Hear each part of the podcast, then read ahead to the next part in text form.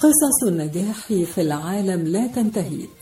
في الأدب والفن في الموسيقى والغناء في المسرح والسينما في المال والأعمال في العلوم وفي السياسة.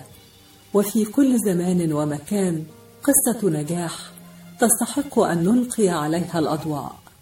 ونحن معكم على راديو صوت العرب من أمريكا نقدم لكم من خلال هذا البرنامج قصة من قصص النجاح. قصة نجاح. قصة النجاح التي نقدمها لكم اليوم ليست قصة نجاح واحدة ولكنها قصص متعددة تضافرت وتشابكت في رحلة فنية متميزة. تشكلت منها فنانة رائعة يحبها الملايين في مصر وفي الوطن العربي.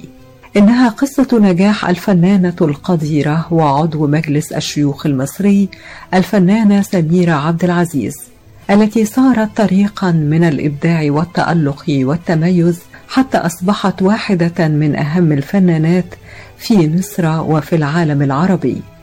الفنانة القديرة سميرة عبد العزيز جاءت من مدينة ساحلية في شمال مصر وهي مدينة الإسكندرية. التي تطل على ساحل البحر المتوسط حيث بدأت رحلتها الفنية من جامعتها العريقة ثم من إذاعتها العريقة أيضا إذاعة الإسكندرية. ثم سافرت إلى هوليود الشرق القاهرة لتصنع قصصا متوالية من النجاح. سنتعرف على بعضها خلال رحلتها معنا اليوم. سميرة عبد العزيز قدمت مئات الروائع المسرحية والإذاعية والتلفزيونية وحازت لقب أم العظماء. بعد تجسيدها شخصية الأم لعدد من الأئمة مثل أبي حنيفة والترمذي والشافعي والمرغي وابن حزم والشيخ الشعراوي. الفنانة القديرة سميرة عبد العزيز حصلت على درجة البكالوريوس من كلية التجارة. ثم درجة البكالوريوس من معهد الفنون المسرحية ومثلت في العروض الجامعية على مسرح جامعة الإسكندرية وعملت بفرقة الإسكندرية المسرحية ونالت كأس التفوق من الرئيس عبد الناصر. وفي عام 1975 بدأت الإذاعة المصرية في إذاعة البرنامج الشهير قال الفيلسوف والبرنامج مستمر حتى الآن. ليكون بذلك أقدم برنامج مستمر يذاع بالإذاعات العربية حتى اليوم. التحقت سميرة عبد العزيز بالمسرح القومي واشتركت في العديد من المسرحيات. تزوجت الفنانة سميرة عبد العزيز من الكاتب الكبير الراحل محفوظ عبد الرحمن وشاركت بالتمثيل في عدد من أعماله مثل فيلم حليم ومسلسلي أم كلثوم وبوابة الحلواني شاركت الفنانة القديرة سميرة عبد العزيز بالتمثيل في عشرات وعشرات المسلسلات التلفزيونية وقامت بدور الأم في معظم هذه الأعمال. من أهم أعمالها أم كلثوم بوابة الحلواني ضمير أبلة حكمة أفواه وأرانب سيداتي آنساتي حكايات هو وهي أميرة في عبدين بنت القبايل أبو البنات. آه من حواء. شيخ العرب همام. حتف بحر ليلة سقوط غرناطة الرحايا حجر القلوب قصة الأمس. ملك روحي. مسألة مبدأ. حصلت على جائزة التمثيل الأولى من التلفزيون عن دورها في أم مثالية. وجائزة التفوق من اتحاد الإذاعات العربية عن برنامج عن اللغة العربية وجائزة الالتزام في استفتاء جريدة الجمهورية. اختيرت في عام 1993 كأحسن ممثلة إذاعية وحصلت على جائزة الإبداع مرتين من مهرجان الإذاعة والتلفزيون وعلى الميكروفون الذهبي من البرنامج العام بالإذاعة. تم تعيين الفنانة القديرة سميرة عبد العزيز عضوا في مجلس الشيوخ المصري هذا العام 2021 لتتوج رحلتها الفنية بهذا التكريم الذي منحته لها الدولة. الفنانة القديرة سميرة عبد العزيز أهلا بحضرتك معنا على أثير إذاعة صوت العرب من أمريكا أهلا وسهلا أهلا بحضرتك. خلينا نبدأ حلقتنا النهارده من بآخر قصة من قصص النجاح. في مشوار الحياة الجميل اللي أبدعته سمير عبد العزيز وهي اختيارك أو تعيينك عضو في مجلس الشيوخ يعني عايزين نتكلم عن هذا ال- التعيين كان رد فعل حضرتك إيه ويعني إحساسك إيه؟ هل إحساسك إنك أنت ده تقدير لمشوارك الفني ولا تقدير للمرأة المصرية في شخصك ولا تقدير أيضا للفن المصري في شخصك؟ الحقيقة أنا بعتبره تقدير من الرئيس السيسي لأن أنا ماليش آه، نشاط سياسي. أنا آه، نشاطي فني فقط. لكن دايما كنت في لقاءاتي أقول من فضلك سيادة الرئيس ادعم الفن الجيد زي ما بتدعم رغيف العيش. يبدو أنه سمع آه، سمعني مرة في المق... اللقاءات اللي بقولها واختارني على أساس إن الفن فعلا محتاج نلتفت له وندعمه لأن زي ما رغيف العيش بيشبع البطن الفن الجيد بيعمل الإنسان الصح المناسب لمصرنا. وحضرتك خير مثال للفن الجيد يعني. الحمد لله. أنا طول حياتي الفنية لم أقبل ابدا إلا أعمل آه، فن جيد له رسالة. ودي كانت تعليمات زوجي الله يرحمه الأستاذ محفوظ عبد الرحمن كان يقول لي الفن رسالة. وهو كان فنه كله رسالة وأنا بالتالي الفن بالنسبة لي رسالة للمجتمع عشان نرتقي بمجتمعنا وفننا ومصرنا. قصة النجاح بدأت من الإسكندرية. ال- البداية كانت في جامعة إسكندرية ثم إذاعة إسكندرية. أنا مثلت وأنا في المدرسة الثانوي وحبي للفن بدأ من الإذاعة المدرسية وبعدين مثلت مسرحية في في المدرسة الثانوي. فوالدي جاب لي مجلات مسرح وقال لي خدي بقى ما دام بتمثلي اعرفي الممثلين والمسرح وثقفي نفسك. لما قريت مجلات المسرح عرفت إن في معهد فنون مسرحية. قلت له طب أنا لما آخد الثانوية العامة بقى أروح معهد الفنون المسرحية. قال لي متأسف. الفن ده مجرد هواية لكن العلم علم هتخشي الجامعة يعني الجامعة. كنت في اسكندرية يعني آه، في شبابك آه. بحر بقى وصيف وفسح كده ولا إيه؟ طبعا عايشة في اسكندرية زي كل الإسكندرانية يعني. أنا مواليد اسكندرية. آه. آه، المهم دخلت الجامعة ومن أول سنة وأنا في الجامعة لقيت آه، فايتة كده راح ألعب بينج بونج لقيت ناس بتمثل. رحت فاتحة الباب وبصة ما لقيتش بنات. قلت لهم إيه هو أنتوا معكوش بنات؟ قالوا لي لا مش بيرضوا. قلت لهم لا أنا أشتغل معاكم. أنا مثلت في الثانوي وعملت مسرحية خدت عليها جايزة. قاموا قالوا لي إيه؟ خلاص تعالي. لغوا المسرحية اللي كانوا بيعملوها وجابوا مسرحية تانية فيها واحدة ست أم. أم. أم. وأنا سنة أولى في. الجامعة. وأنا في سنة أولى في الجامعة. وخلصت المسرحية ونازلة بقى عشان أشوف رد فعل الناس. لقيت واحد بيقول لي تعالي. قلت له أفندم قال لي تمثلي معانا في إذاعة اسكندرية. قلت له ما أعرفش. قال لي أنا هعلمك. أنا حافظ عبد الوهاب. طبعا أنا عارفة الاسم. قلت له أهلا يا أستاذ حافظ. أهلا وسهلا. أنا عارفة اسمه لكن قلت له ما شفتكش قبل كده. قال لي ما أنا لسه جاي بقى بعمل إذاعة اسكندرية. وراح مديني العنوان وقال لي تعالي وأنا هعلمك. فعلا بشكر ربنا. علمني درس مش متوفر لأي حد. علمني إزاي أخاطب الميكروفون صح وإزاي أستعمل صوتي صح. ولما عاوز أعمل بكاء أعمل إيه ولما عاوز أعمل ضحك أعمل إيه. يعني كان درس هو اللي أنا عشت بيه بقى طول عمري. وفضلت أسجل في إذاعة اسكندرية عملنا شغل كتير جدا. كنت أنا قاسم مشترك يعني. دراما آه، دراما. مسلسلات. عملنا الإلياذة والأوديسة كاملة. طبعا ده أكسبني ثقافة وأكسبني إتقان اللغة العربية. ففضلت بقى أمثل في الإذاعة لغاية طبعا اتخرجت من الجامعة وأبويا عيني مدرسة مواد تجارية. جت محافظة اسكندرية عملت فرقة سمتها فرقة الإسكندرية المسرحية. عملت مسرحية إخراج الأستاذ حسن عبد السلام وإحنا يوم العرض عزم كرم مطاوع عشان يتفرج على شغله. بعد ما خلصت العرض المسرحية كانت يعني بطولتي وأنا بعمل فيها برقص وبغني وبجري وبمثل و... كرم مطاوع انبهر بيا. قال لي إيه اللي مقعدك هنا؟ قلت له أروح فين؟ قال لي تعالي مصر. قلت له ليا مكان. ما كنتش أحلم إن أنا ليا مكان وسط العمالقة اللي أنا إيه بتفرج عليهم. قال لي أنا عندي مسرحية لعبد الرحمن الشرقاوي على المسرح القومي بطلتها هي كده أنتي. قلت له آجي. وروحت جري على البيت قلت لهم أنا همثل في مصر. فأبوي قال لي إزاي؟ قلت له مسرحية لعبد الرحمن الشرقاوي.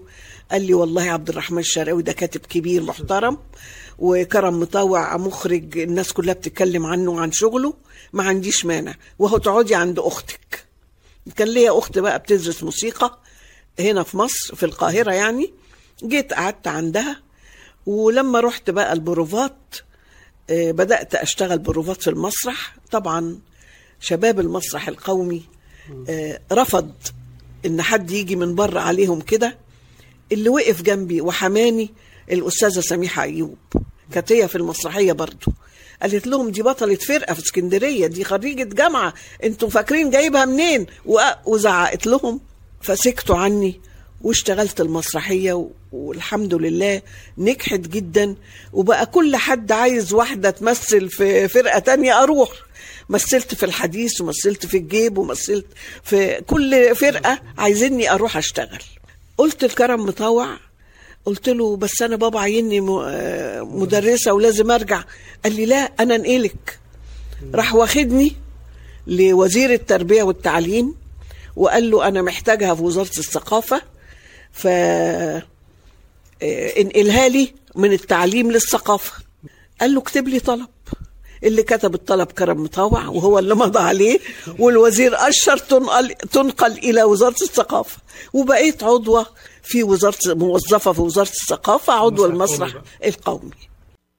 بينما كنا نجلس في بيوتنا مطمئنين كان علماؤنا يعملون ليل نهار لإيجاد لقاح لفيروس كوفيد 19 شكلت الأبحاث التي انطلقت منذ عقود حول أنواع أخرى من فيروس كورونا نقطة بداية في رحلة استغرقت اشهرا من البحث والتطوير بالتعاون مع خبراء من جميع أنحاء العالم. وبعد الحصول على نتائج سريرية واعدة لعشرات آلاف المتطوعين توصل العلماء أخيرا إلى لقاح آمن وفعال حيث تم حتى يومنا هذا تلقيح مئات الآلاف من الأشخاص في ميشيغان. والآن أصبح مصيرنا بين أيدينا لنأخذ اللقاح في أول فرصة ممكنة ولنستمر في ارتداء الكمامة ولنأخذ الاحتياطات اللازمة حتى نصل إلى بر الأمان والتحرر من فيروس كورونا. للحصول على أكثر المعلومات مصداقية زوروا الموقع الإلكتروني michigan.gov/covid vaccine. هذه الرسالة بدعم من وزارة الصحة والخدمات الإنسانية في ولاية ميشيغان. يوسف الحسن شايفك لازم بيد حالك عن إلي ساعة عم بستناك مشان نروح نتغدى بالشام. الشام إيه بالشام ومو بالشام. شلون صارت هي؟ بدل ما نروح نتغدى بالشام إيه. جابوا لنا الأكلات الشامية الطيبة لعنا لهم. وشلون بقى؟ هذا مطعم دماس عم يعمل كل الأكلات الشامية الطيبة. هو وطيبة؟ طيبة كتير. شرفوا نتغدى سوا بمطعم دمار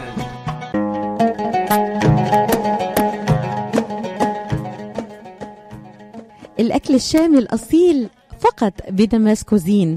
زوروهم على 28841 Orchard Lake ب Farmington Hills ولطلباتكم اتصلوا على 248-987-4609 That's 248-987-4609 دمس كوزين and catering. جبنا لكم الشام لعندكم. مركز طب رهاب للعلاج الطبيعي بإدارة الدكتور محمد فرح حسين أخصائي العلاج الطبيعي بخبرة أكثر من 13 عاما. طب رهاب يقدم خدمات العلاج الطبيعي وإعادة التأهيل ويضم مجموعة من أفضل أخصائي التشخيص الدقيق للحالات المرضية مع خبرة عالية في التعامل مع الحالات التي تحتاج إلى إعادة تأهيل وعناية خاصة بعد العمليات والكسور. طب رهاب يستقبل كل الحالات المتعلقة بألم الرقبة، الظهر، المفاصل، شلل الوجه، الانزلاق الغضروفي، عرق النساء، الحوادث وإصابات العمل. خبيرات في المعالجة النسائية لخصوصيات تامة للسيدات. عندما تبحثون عن رعاية متميزة اقصدوا توب ريهاب للعلاج الطبيعي الواقع على 15001 ميشيغان افنيو وللمواعيد اتصلوا على 313 846 0555 that's 846 0555 مرحبا سعيد. أهلا علا. ليش هالمقابلة الفاترة هي؟ بيقول المثل لاقيني ولا تغديني. يمه زعلتي. شنو رأيك إذا لقيتك وأيضا غديتك بأحسن مطاعم ميشيغان مطعم عشتار والله فكرة. أفضل الأطباق والمقبلات العربية والعراقية وأحلى ملقى ولا تنسين اللحوم الطازجة مباشرة من ملحمة عشتار لزباين عشتار. وملحمة عشتار توفر اختيارات متنوعة من كافة أنواع اللحوم وبأسعار متميزة وجودة أيضا مميزة. ملحمة عشتار تقع على 36865 Ryan Road في مدينة ستيرلينغ هايتس وأكيد أحلى لمة وأطيب لقمة في مطعم عشتار اللي عنوانه 3625 15 Mile Road في مدينة ستيرلينغ هايتس هاتف 586-698-2585 586-698-2585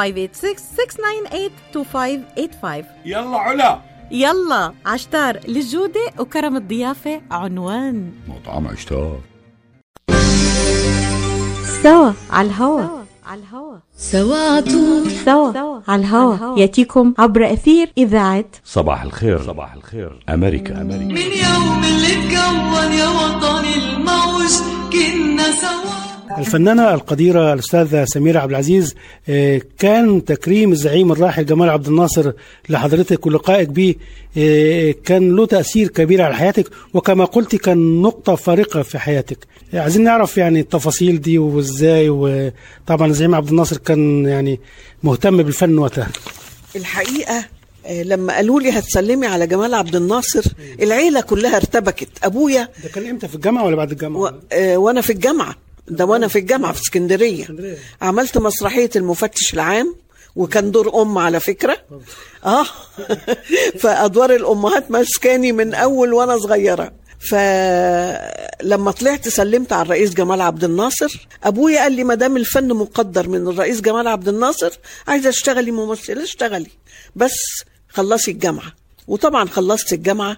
وكانت صورة آه، أنا وأنا ماسكة إيده ما بقتش قادرة أسيبها. مسكت إيده وببص في عينيه لأن وقتها كانوا بيقولوا عينيه فيها مش عارف و- يعني بقيت مش مش دريانة بنفسي وأنا ماسكة إيده. ف طبطبوا عليا وقالوا لي خدي الكاس من إيد الراجل يعني شايله. رحت واخدة الكاس وطبعا كان فارق في حياتي. أنا أدين له باحتراف الفن. أدين للرئيس جمال عبد الناصر. وانطلقت في التمثيل في القاهرة وحافظ عبد الوهاب اداني جواب لبابا شارو عشان أشتغل في إذاعة القاهرة. وديت الجواب لبابا شارو فكان كاتب له إيه؟ أهديك صوتا جميلا ومثقفا. رجاء الاستعانة بي في برامجكم. بابا شارو قعد يتريق عليا قال لي يعني إيه يا أختي صوت مثقف؟ يعني إيه مثقف؟ يعني إيه؟ عايزه اشتغلي مذيعه قلت له لا أصل بعرف عربي كويس. قال لي إيه؟ طيب راح ضارب تليفون لمدير البرامج الثقافية وقال له اتفضل شوف آه، حافظ عبد الوهاب بعت لنا إيه. قال لي تعالي. وراني قراني برنامج اسمه أماكن لها تاريخ. إيه؟ قال لي اقري كده قدامي. طبعا كنت شاطرة في العربي بقى لأن اشتغلت كتير لغة عربية في إذاعة اسكندرية. فقريت قدامه قال لي لا والله عنده حق. صوتك جميل وبتقري العربي حلو قوي. قلت له قال لي انت معايا هثبتك في برنامج أماكن لها تاريخ. ده كان برنامج كل أسبوع. قعدت فترة يجي مثلا خمس ست أشهر كده بعمل برنامج أماكن لها تاريخ في الإذاعة. وابتدى المخرجين كلهم يسمعوا عني بقى ويطلبوني. في يوم رايحة لأماكن لها تاريخ قال لي لا سيبي ده انت هتعملي قال الفيلسوف. قال الفيلسوف سمير عبد العزيز سعد الغزاوي كان ناس يمكن عايز أقول ملايين بتسمعه في مصر وفي الوطن العربي وكان برنامج مميز. وأعتقد إن كانت من أهم قصص النجاح في حياة الفنانة الكبيرة سمير عبد العزيز. مظبوط ولا زال يذاع لحد النهارده. 40 سنة بالظبط يعني. فاشتغلت قال لي حتى أول ما قال لي زعلت قلت له بقى تاخد مني برنامج ربع ساعة وتديني برنامج خمس دقائق قال لي يا عبيطة ده برنامج يومي واسمك هيتقال كل يوم في الإذاعة. قلت له حاضر. والحقيقة أنا برضو تعليمي وثقافتي خلاني أفكر. قلت برنامج زي ده. دي بنت صغيرة وده راجل كبير. عشان تخليه يقول تديله إيه؟ سن الدلع كده. قلت للمخرج قال لي موافق جدا. سمعيني. واداني سكريبت قريت قال لي هو ده اللي أنا عايزه. والحمد لله نجح البرنامج جدا جدا لدرجة إن بعد فترة مثلا عشر سنين أبو ظبي عرضت على المؤلف إن يعمله في أبو ظبي وياخد فلوس أكتر وأنا أخد فلوس أكتر. ورحنا عملنا لأبو ظبي. مين اللي رجعه؟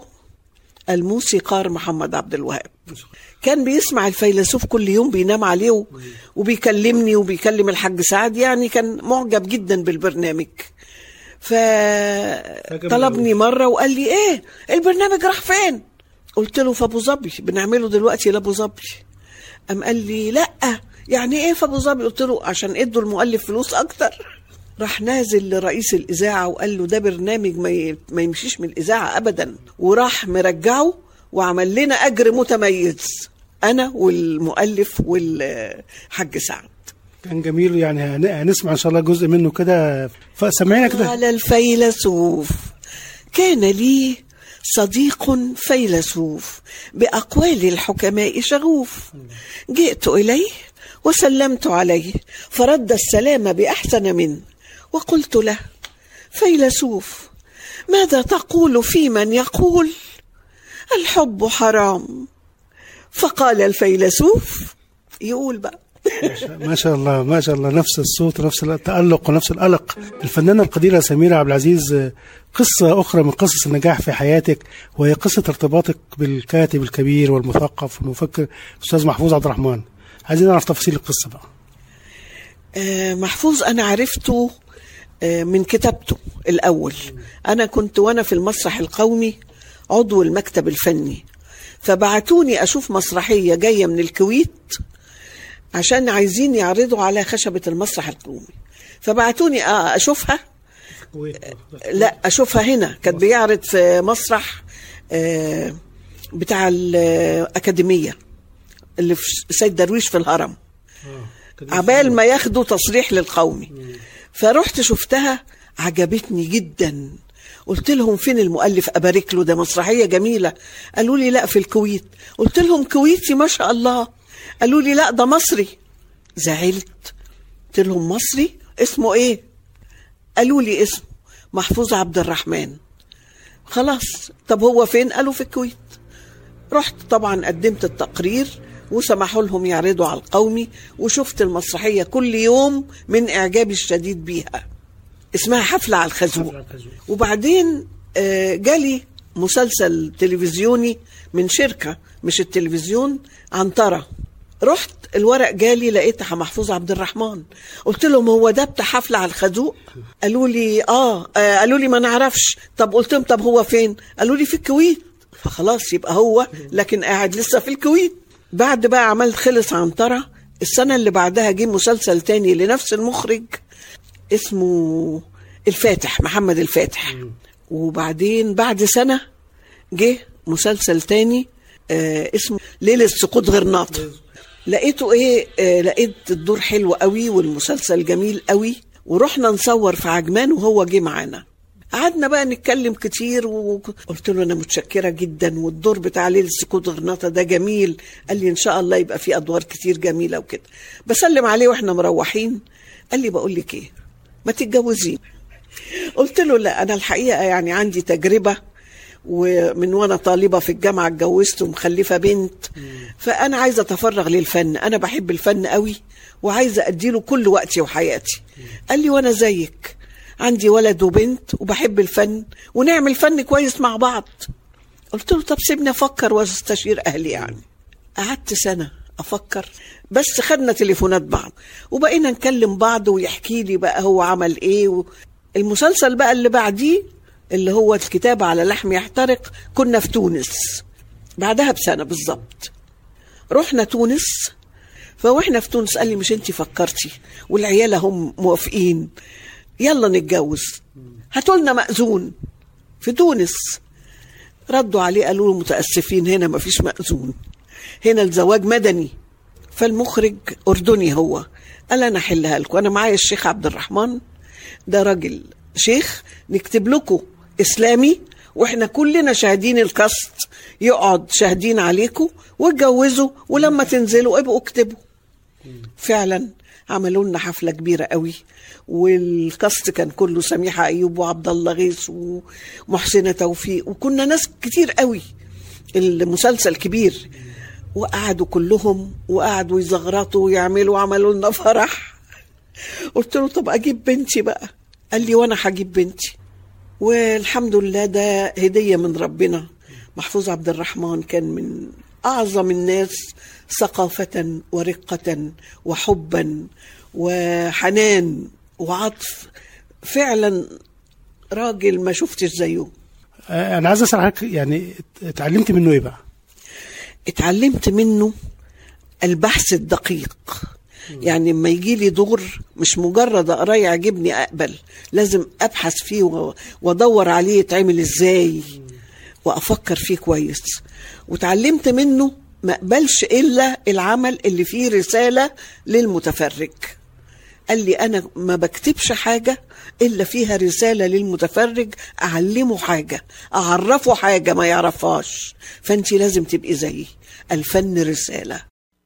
بينما كنا نجلس في بيوتنا مطمئنين كان علماؤنا يعملون ليل نهار لإيجاد لقاح لفيروس كوفيد 19 شكلت الأبحاث التي انطلقت منذ عقود حول أنواع أخرى من فيروس كورونا نقطة بداية في رحلة استغرقت اشهرا من البحث والتطوير بالتعاون مع خبراء من جميع أنحاء العالم. وبعد الحصول على نتائج سريرية واعدة لعشرات آلاف المتطوعين توصل العلماء أخيرا إلى لقاح آمن وفعال حيث تم حتى يومنا هذا تلقيح مئات الآلاف من الأشخاص في ميشيغان. والآن أصبح مصيرنا بين أيدينا لنأخذ اللقاح في أول فرصة ممكنة ولنستمر في ارتداء الكمامة ولنأخذ الاحتياطات اللازمة حتى نصل إلى بر الأمان والتحرر من فيروس كورونا. للحصول على أكثر المعلومات مصداقية زوروا الموقع الإلكتروني michigan.gov/covid vaccine. هذه الرسالة بدعم من وزارة الصحة والخدمات الإنسانية في ولاية ميشيغان.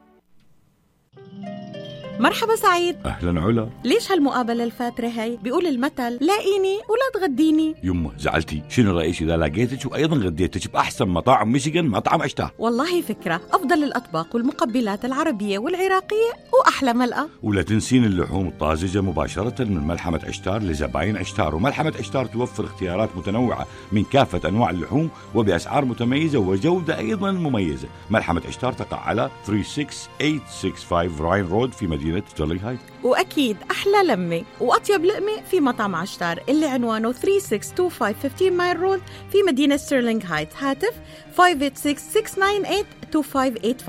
586-698-2585 يلا علا. يلا عشتار للجودة وكرم الضيافة عنوان. مطعم عشتار. مركز Top Rehab للعلاج الطبيعي بإدارة الدكتور محمد فرح حسين أخصائي العلاج الطبيعي بخبرة أكثر من 13 عاما. طب رهاب يقدم خدمات العلاج الطبيعي وإعادة التأهيل ويضم مجموعة من أفضل أخصائي التشخيص الدقيق للحالات المرضية مع خبرة عالية في التعامل مع الحالات التي تحتاج إلى إعادة تأهيل وعناية خاصة بعد العمليات والكسور. طب رهاب يستقبل كل الحالات المتعلقة بألم الرقبة، الظهر، المفاصل، شلل الوجه، الانزلاق الغضروفي، عرق النساء، الحوادث وإصابات العمل. خبيرات في المعالجة النسائية لخصوصيات تامة للسيدات. عندما تبحثون عن رعاية متميزة اقصدوا توب ريهاب للعلاج الطبيعي الواقع على 15001 ميشيغان افنيو وللمواعيد اتصلوا على 313 846 0555 that's 846 0555 يوسف الحسن شايفك لازم بيد حالك عن إلي ساعة عم بستناك مشان نروح نتغدى بالشام. الشام إيه بالشام ومو بالشام. شلون صارت هي؟ بدل ما نروح نتغدى بالشام إيه. جابوا لنا الأكلات الشامية الطيبة لعنا لهم. وشلون بقى؟ هذا مطعم دماس عم يعمل كل الأكلات الشامية الطيبة. هو وطيبة؟ طيبة كتير شرفوا نتغدى سوا بمطعم دماس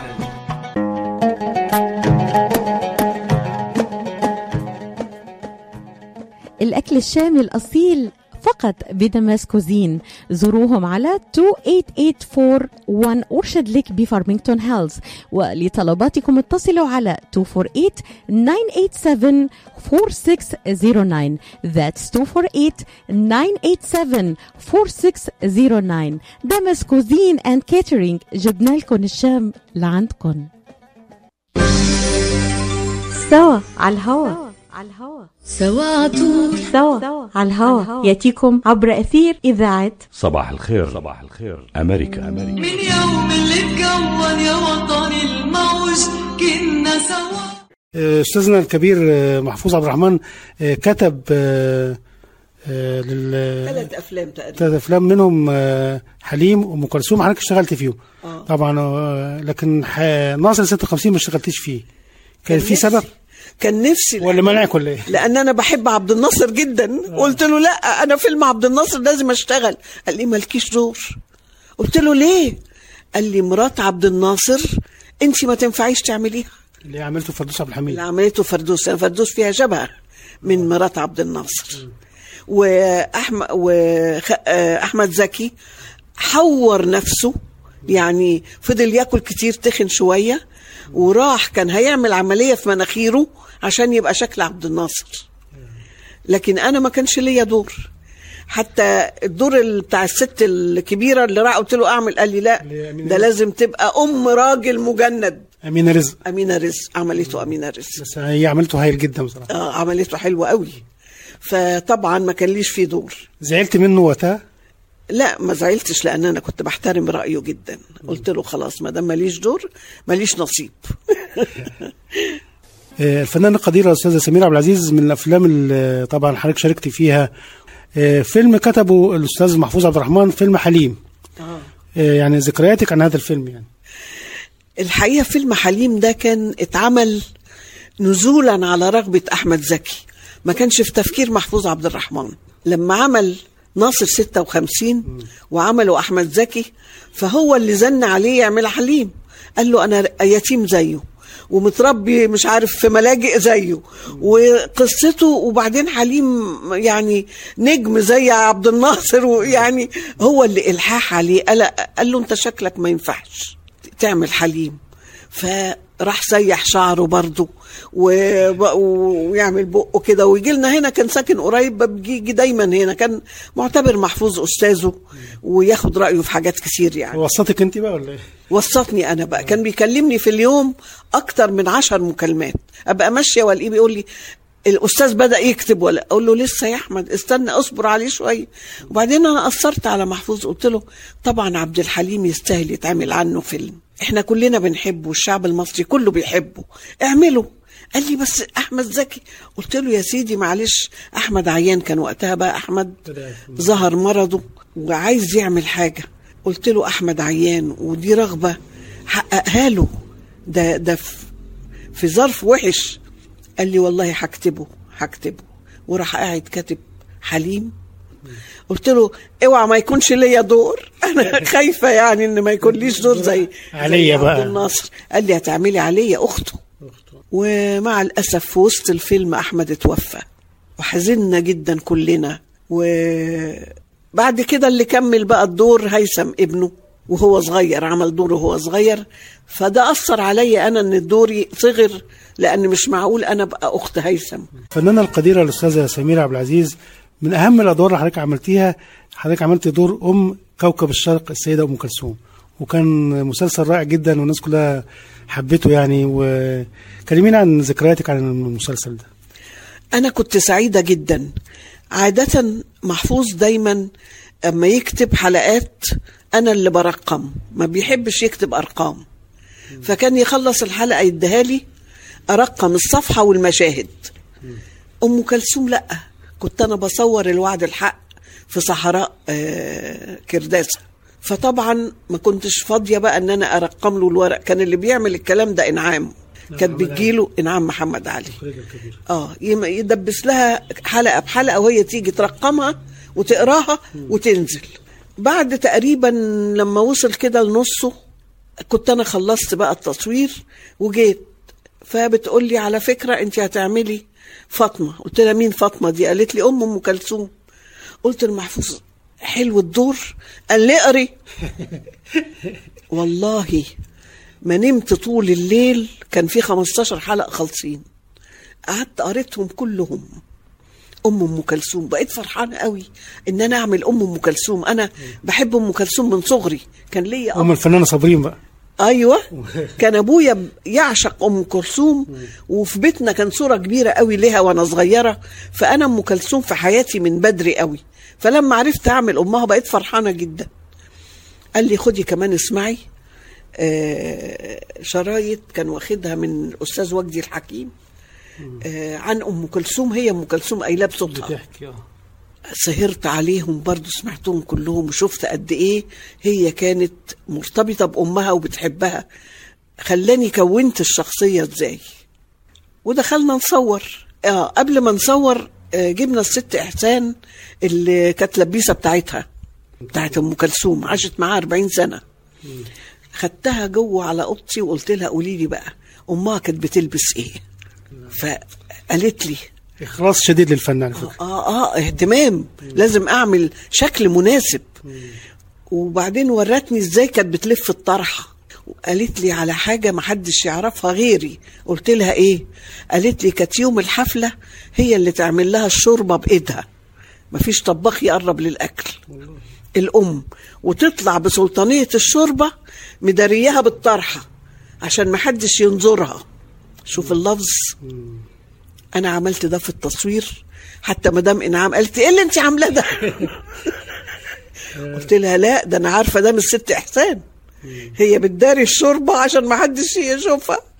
فمن هنا الدور طلع صادق لدرجة تالت يوم حلقة التليفون ضرب بنت أخت أم كلثوم السيدة نادية الكاشف قالت لي والله العظيم أنا شفت ستي فاطمة. أنا بشكرك عشان شفت ستي فاطمة. والله أنت ستي فاطمة. وعملت لنا عزومة كبيرة جدا وأهدتني اشاربين من بتوع أم كلثوم. جميل. واحد قالت لي عايزة أنهي غنوة؟ هي كانت مع كل غنوة تغير دي قلت لها أنت عمري. فجابت لي اشارب أنت عمري لونه أحمر بالسرمة واشارب تاني كانت بتلبسه لما تنزل تتمشى. كانت برضو تربط شعرها. وادت محفوظ اسطوانة آه، قديمة من بتوع أم كلثوم. وكان فتحة خير لنا. أنا حجيت بمناسبة مسلسل أم كلثوم. إزاي بقى؟ شركة سياحة مصرية أشرف شيحة. ربنا يمسيه بالخير. من إعجابه بالمسلسل عزم عشرة من المسلسل يحجوا على حسابه. أنا ومحفوظ وإنعام وصابرين وأحمد راتب وحسن حسني وكمال أبو ريا بينما كنا نجلس في بيوتنا مطمئنين كان علماؤنا يعملون ليل نهار لإيجاد لقاح لفيروس كوفيد 19 شكلت الأبحاث التي انطلقت منذ عقود حول أنواع أخرى من فيروس كورونا نقطة بداية في رحلة استغرقت اشهرا من البحث والتطوير بالتعاون مع خبراء من جميع أنحاء العالم. وبعد الحصول على نتائج سريرية واعدة لعشرات آلاف المتطوعين توصل العلماء أخيرا إلى لقاح آمن وفعال حيث تم حتى يومنا هذا تلقيح مئات الآلاف من الأشخاص في ميشيغان. والآن أصبح مصيرنا بين أيدينا لنأخذ اللقاح في أول فرصة ممكنة ولنستمر في ارتداء الكمامة ولنأخذ الاحتياطات اللازمة حتى نصل إلى بر الأمان والتحرر من فيروس كورونا. للحصول على أكثر المعلومات مصداقية زوروا الموقع الإلكتروني michigan.gov/covid vaccine. هذه الرسالة بدعم من وزارة الصحة والخدمات الإنسانية في ولاية ميشيغان. مرحبا سعيد. أهلا علا. ليش هالمقابلة الفاترة هي؟ بيقول المثل لاقيني ولا تغديني. يمه زعلتي. شنو رأيك إذا لقيتك وأيضا غديتك بأحسن مطاعم ميشيغان مطعم عشتار والله فكرة. أفضل الأطباق والمقبلات العربية والعراقية وأحلى ملقى ولا تنسين اللحوم الطازجة مباشرة من ملحمة عشتار لزباين عشتار. وملحمة عشتار توفر اختيارات متنوعة من كافة أنواع اللحوم وبأسعار متميزة وجودة أيضا مميزة. ملحمة عشتار تقع على 36865 Ryan Road في مدينة مدينة ستيرلينغ هايتس وأكيد أحلى لمة. وأطيب لقمة في مطعم عشتار اللي عنوانه 3625 15 Mile Road في مدينة ستيرلينغ هايتس. هاتف 586-698-2585 586-698-2585 يلا علا. يلا. عشتار للجودة وكرم الضيافة عنوان. مطعم عشتار. مركز Top Rehab للعلاج الطبيعي بإدارة الدكتور محمد فرح حسين أخصائي العلاج الطبيعي بخبرة أكثر من 13 عاما. طب رهاب يقدم خدمات العلاج الطبيعي وإعادة التأهيل ويضم مجموعة من أفضل أخصائي التشخيص الدقيق للحالات المرضية مع خبرة عالية في التعامل مع الحالات التي تحتاج إلى إعادة تأهيل وعناية خاصة بعد العمليات والكسور. طب رهاب يستقبل كل الحالات المتعلقة بألم الرقبة، الظهر، المفاصل، شلل الوجه، الانزلاق الغضروفي، عرق النساء، الحوادث وإصابات العمل. خبيرات في المعالجة النسائية لخصوصيات تامة للسيدات. عندما تبحثون عن رعاية متميزة اقصدوا توب ريهاب للعلاج الطبيعي.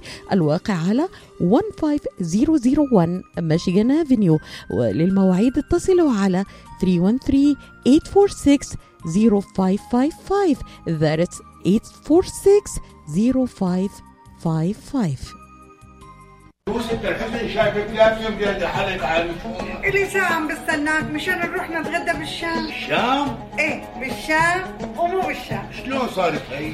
بدل ما نروح نتغدى بالشام إيه. جابوا لنا الأكلات الشامية الطيبة لعنا لهم.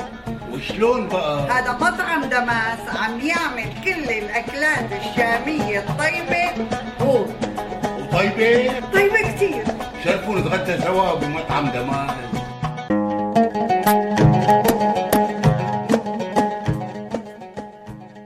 الأكل الشامي الأصيل فقط ب Damas Cuisine. زوروهم على 28841 Orchard Lake بفارمينغتون هيلز. ولطلباتكم اتصلوا على 248-987-4609 That's 248-987-4609 Damas Cuisine and Catering جبنا لكم الشام لعندكم. سوا على الهوا. على الهوا. سوا. عطول سوا. على الهوا. يأتيكم عبر أثير إذاعة صباح الخير. صباح الخير. أمريكا. أمريكا. من يوم اللي اتكون يا وطني الموج كنا سوا. يمكن في قصة نجاح مهمة جدا أيضا في حياتك وفي حياة كاتبنا الكبير طبعا محفوظ عبد الرحمن وهو مسلسل بوابة الحلواني. هو طبعا أنا أول ما اتجوزت محفوظ قال لي أنا عايز آخد رأيك في حاجة. قلت له إيه؟ قال لي أنا وأنا بدرس في كلية الآداب رايح أجيب حاجة من المكتبة وقع على راسي دوسيه اتدلق في الأرض قعدت ألمه لقيته وثائق حفر قناة السويس.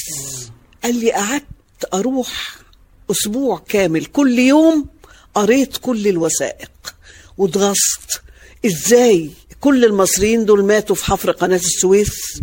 ف... فأنا عايز أكتب ده. قلت له يا ريت اكتبها. قال لي عايز أوري المصريين كلهم إن قناة السويس دي بتاعتهم واللي ضحى فيها إحنا والمصريين هم اللي ماتوا فيها وهم اللي حفروها ويجب يبقى خيرها لينا. قلت له اكتبه يا محفوظ اكتبه فقعد فكر وكتب بوابة الحلواني. طبعا على أجزاء هي 93 حلقة. كل سنة 30 حلقة. ده مسلسل رائع الجمال. كان دور حضرتك والدة الفنانة ألمظ مش كده؟ أيوه هي إيه أم المظ هي المظ كان اسمها الأول أصيلة. لما ضاعت مني اسمها أصيلة. لكن أنا كنت أم أصيلة. اسمي أم أصيلة. أم أصيلة. مم. كان دور جميل جدا ويمكن المسلسل نفسه حقق نجاح آه، منقطع النظير أيضا يعني. في كل البلاد العربية. لأن بوابة الحلواني مسك الحكاية من أولها طويلة يعني. الفنانة القديرة وأستاذتنا الكبيرة سميرة عبد العزيز مش ممكن ما نتكلمش وإحنا مع حضرتك النهارده عن مسلسل آخر ودور آخر آه، وقصة نجاح أخرى في ضمير أبلة حكمت. يا سلام ده مسلسل أنا بحبه حب جدا لأنه موضوعه آه، يصلح التعليم. يعني لو حد اقتدى بيه في التعليم يلاقي كل اللي اتقال فيه في مصلحة التعليم. إلى جانب إنه عرفني بفاتن حمامة. أنا من كنت شديدة الإعجاب بفاتن حمامة. طول ما أنا تلميذة في الثانوي وال كان وإحنا في الثانوي كان أبويا لما نجيب نمر كويسة يروح مودينا سينما يوم الخميس. فأنا كنت أختار الفيلم اللي فيه فاتن حمامة. فكنت معجبة بيها طول عمري. فلما عرفت إني هقابل فاتن حمامة كنت سعيدة سعادة بالغة ان أنا هقف قدام فاتن حمامة. واجتهدت اجتهاد بشع عشان لما امثل ما بقاش أقل من فاتن حمامة. لكن أول مرة كنت قبليها في المسلسل ده. أول مرة في حياتي. أشوفها حتى.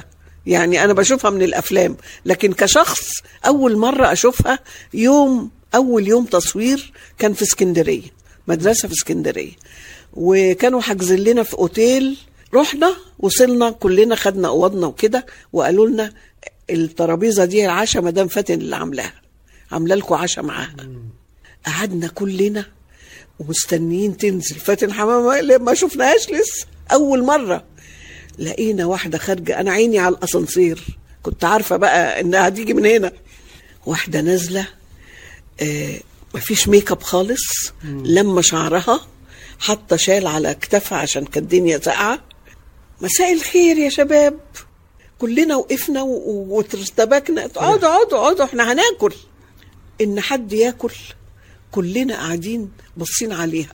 يا عيني هي ما بقتش عارفة تاكل كل دول. يا أولاد كلوا. يا سميرة يا عايدة. حافظة أسامينا. كانت هي شايفة صورنا وموافقة علينا نشتغل معاها. أنا عرفت ده من مدام إنعام. المهم عدت الليلة دي. تاني يوم رايحين نصور الساعة 8 الصبح في مدرسة. أنا واقفة جنبها الوكيلة. فهي بت بتسمع لنفسها كده الخطبة اللي هتقولها. فلقيتها بتقول إيه؟ أنا برحب بالبنات الجدد. أنا بتاعت عربي غلط. جريت على مدام إنعام وقلت لها مدام إنعام قولي لمدام فاتن تقول جدد ما تقولش جدد لأن جدد غلط خالص يا تقول جداد.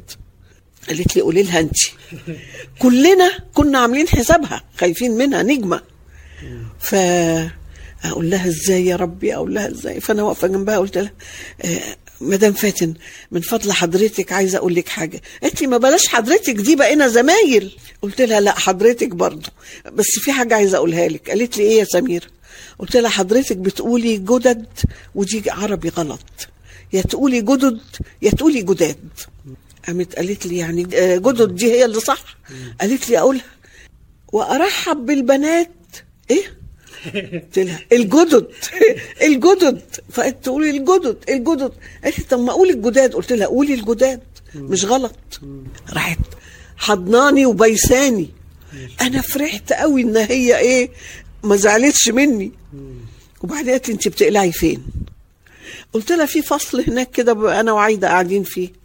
فقالت لي لا هاتي هدومك أنا معايا كرفان واقف تحت في الحوش اقلعي معايا عشان نبقى نقر سوا. خافت لا تقابلها كلمة تانية وما تعرفش صح- الصح بتاعها. وسألتني بقى خدت هدومي ورحت ما صدقت يعني. قعدت معاها في الكرفان وبقت آه، تسألني بقى انت متجوزة انت مز- حكت لها قصة حياتي. وهي حكت لي برضو ولادها فين بنتها. آه، متجوزة فين وحفيدتها هي اللي معاها ويعني أيوه قعدنا نكلم بعض كتير قوي وقلت لها أنا معجبة بيكي طول عمري كنت بفصل هدوم زي بتوعك.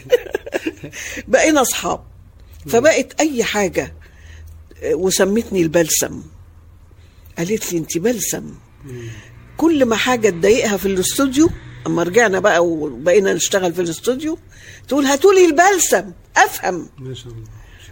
أول يوم اتخانقت على الثلاث كاميرات. هي مش متعودة السينما كاميرا واحدة. فلقت ثلاث كاميرات وقالوا لها هنا تبصي كده وهنا. قالت إيه ده؟ هو أنا بعمل منوعات وجريت على أوضتها زعلانة. جريت وراها وقعدت شرحت لها. الفيديو حاجة والسينما حاجة؟ قلت لها الفيديو حاجة تانية؟ السينما آه كاميرا واحدة لكن إحنا هنا لما تقولي جملة مهمة تاخدي ال close فبتبقى ظابطة كاميرا على الكلوزات وكاميرا على ال medium وكاميرا لل total المكان فعشان يطلع المشهد صح. قامت قالت لي والله لا اتعلمها واغلبكم. قلت لها طبعا انت أستاذة. فبقت أي حاجة بقى تضايقها هاتولي البلسم أشرح لها. وبقينا أصحاب. آخر يوم بقول لها يا رب نتقابل في عمل تاني جميل. قالت لي إيه ده؟ يعني مش هشوفك؟ هاتي ورقة. كتبت لي كل تليفوناتها. تليفوناتي كلها إيه معاكي؟ نكلم بعض يا سمير؟ قلت لها شرف ليا. ومن يومها بقينا أصحاب. بقيت أروح لها. وهي ليها أخت ساكنة في 6 أكتوبر. كل ما تجي لها تعدي عليا. واتصاحبت ومحفوظ ب... قالت له أنا معجبة بكلامك وبكتابتك. فابتدى يكتب لها مسلسل. بس مع الأسف ال- قضاء ربنا ما ما كملش. شكرا لكم مستمعينا الكرام وإلى اللقاء مع حلقة جديدة وقصة جديدة من قصص النجاح. شارك في تقديم هذه الحلقة منال زيدان. قصة نجاح. قصة نجاح من أعداد وتقديم نجدي فكري.